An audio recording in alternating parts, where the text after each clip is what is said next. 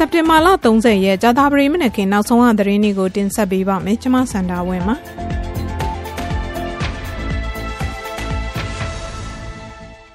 ချင်းပြည်နယ်ထန်တလန်မြို့အဝင်မှာမနေ့ညနေ6နာရီဝန်းကျင်လောက်ကစစ်ကောင်စီတပ်ဖွဲ့တွေရဲ့ပစ်ခတ်မှုကြောင့်ပူရာတူးဆိုတဲ့အမျိုးသားတယောက်သေဆုံးသွားတယ်လို့ချင်းလူခွင့်ရေးအဖွဲ့ကထုတ်ပြန်ထားပါတယ်။ အသက်ခံလိုက်ရတဲ့ဥရာတူးဟာထန်တလန်မြို့ကအများလေးစားရတဲ့ပုဂ္ဂိုလ်တယောက်ဖြစ်ပြီးသူနဲ့အတူကားပေါ်မှာလိုက်ပါသူ၃ယောက်နဲ့နောက်တစ်ယောက်လည်းခေါင်းမှာကြီးထိမှန်ဒဏ်ရာရသွားတယ်လို့သိရပါတယ်။မနေ့ကပြစ်ခတ်မှုဘာကြောင့်ဖြစ်ရသလဲဆိုတာနဲ့လူသေးဆုံးမှုဖြစ်ရတာတွေနဲ့ပတ်သက်လို့စစ်ကောင်စီဘက်ကတစုံတရာထုတ်ပြန်တာမရှိသေးပါဘူး။ပြီးခဲ့တဲ့စက်တင်ဘာ18ရက်နေ့ညနေတုန်းကလည်းထန်တလန်မှာစစ်ကောင်စီတပ်ဖွဲ့တွေနဲ့ဒေသခံကာကွယ်ရေးတပ်ဖွဲ့တွေအပြန်အလှန်ပစ်ခတ်မှုဖြစ်ပွားခဲ့ပြီးနောက် နေအိမ်အလုံး20မိရှုခံခဲ့ရကတင်းအုပ်ဆရာကျုံပြက်ဟုံးလည်းအသက်ခံခဲ့ရပါတယ်။အခုဆိုရင်ထန်တလန်မြို့မှာ12ရက်အတွင်းစစ်ကောင်စီတပ်ဖွဲ့တွေရဲ့လက်ချက်ကြောင့်တိတ်ဆုံးရသူတွေအနက်လူသူရှင်ကြားပုဂ္ဂိုလ်2ယောက်လည်းပါဝင်လာပြီးဖြစ်ပါတယ်။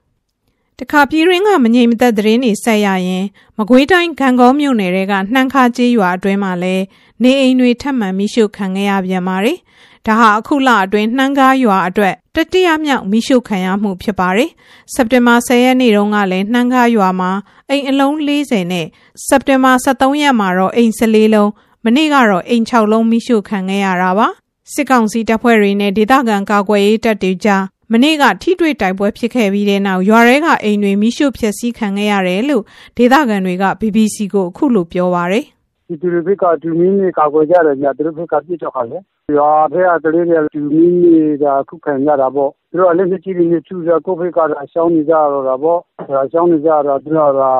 ရွာထဲဝင်ပြီးရှိုးကြတော့ တော့မင်းရှိုးတော့ခါကြီးရွာဒီရွာသားလည်းတယောက်ကမနေရကြဘူးလေအကုန်လုံးဖြစ်ပြီးကြတာပေါ့သူတို့ရွာထဲဝင်ပြီးရှိုးကျောင်းမှာကပ်ပြီးရလုံးနေကြတော့ခေါ်တော့လို့အဲ့ဒါဖုန်းရလည်းပြောလို့တုံးချစ်ဆိုတော့အထုတ်ခံပြီးကြလက်လက်ပြလိုက်ပါတယ်အခုလိုရပ်ပိုင်းတွင်၃ခါလောက်မိရှုခံနေရတော့ဒေသခံတွေရဲ့နေထိုင်စားသောက်မှုဘယ်လိုစီစဉ်နေကြရပါလဲ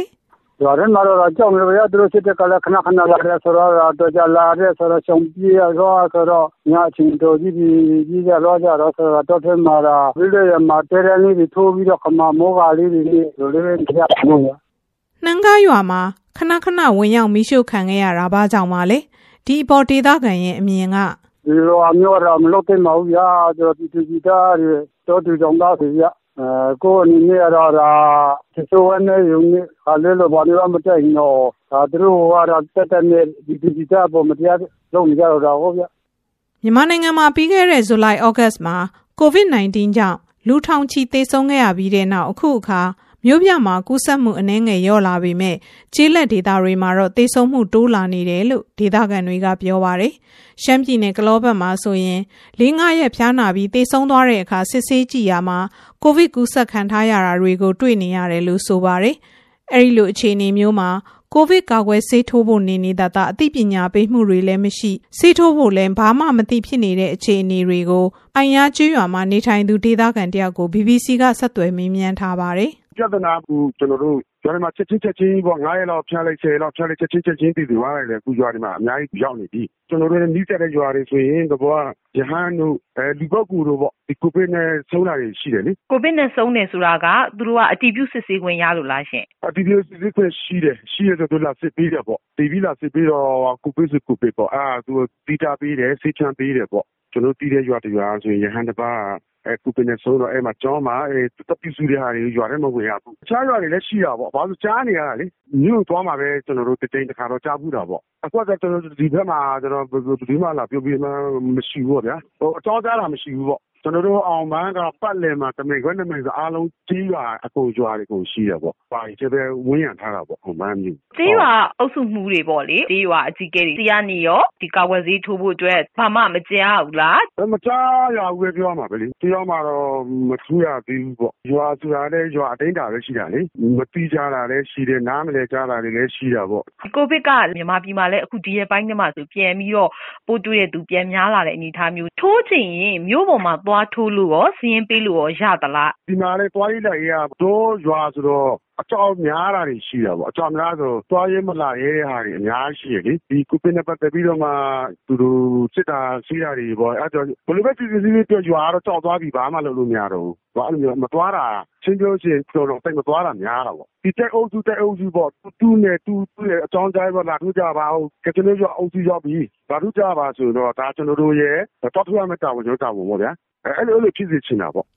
ရုရှားမှာတော့ကိုဗစ်ကူးစက်မှုတွေတိုးလာနေပြီးပြီးခဲ့တဲ့ဗုဒ္ဓဟူးနေ့တရက်ထဲမှာတင်ကိုဗစ် -19 နဲ့သေဆုံးသူအယောက်850ကျော်ရှိပါတယ်။ရုရှားမှာ Delta ကိုဗစ်မျိုးကွဲပြန့်နှံ့လာခဲ့ပြီးတဲ့နောက်ဒါဟာအဆိုးရွားဆုံးဒုတိယမြောက်နေ့စဉ်သေဆုံးနှုန်းဖြစ်လာတာပါ။အသက်68နှစ်ရှိပြီဖြစ်တဲ့ရုရှားသမ္မတပူတင်လည်းကရီမလင်နန်းတော်မှာကူးစက်မှုတွေကြောင့်ပြီးခဲ့တဲ့သတင်းနှစ်ပတ်လောက်ကတယောက်တည်းတီးခြားခွဲနေထိုင်နေရပါတယ်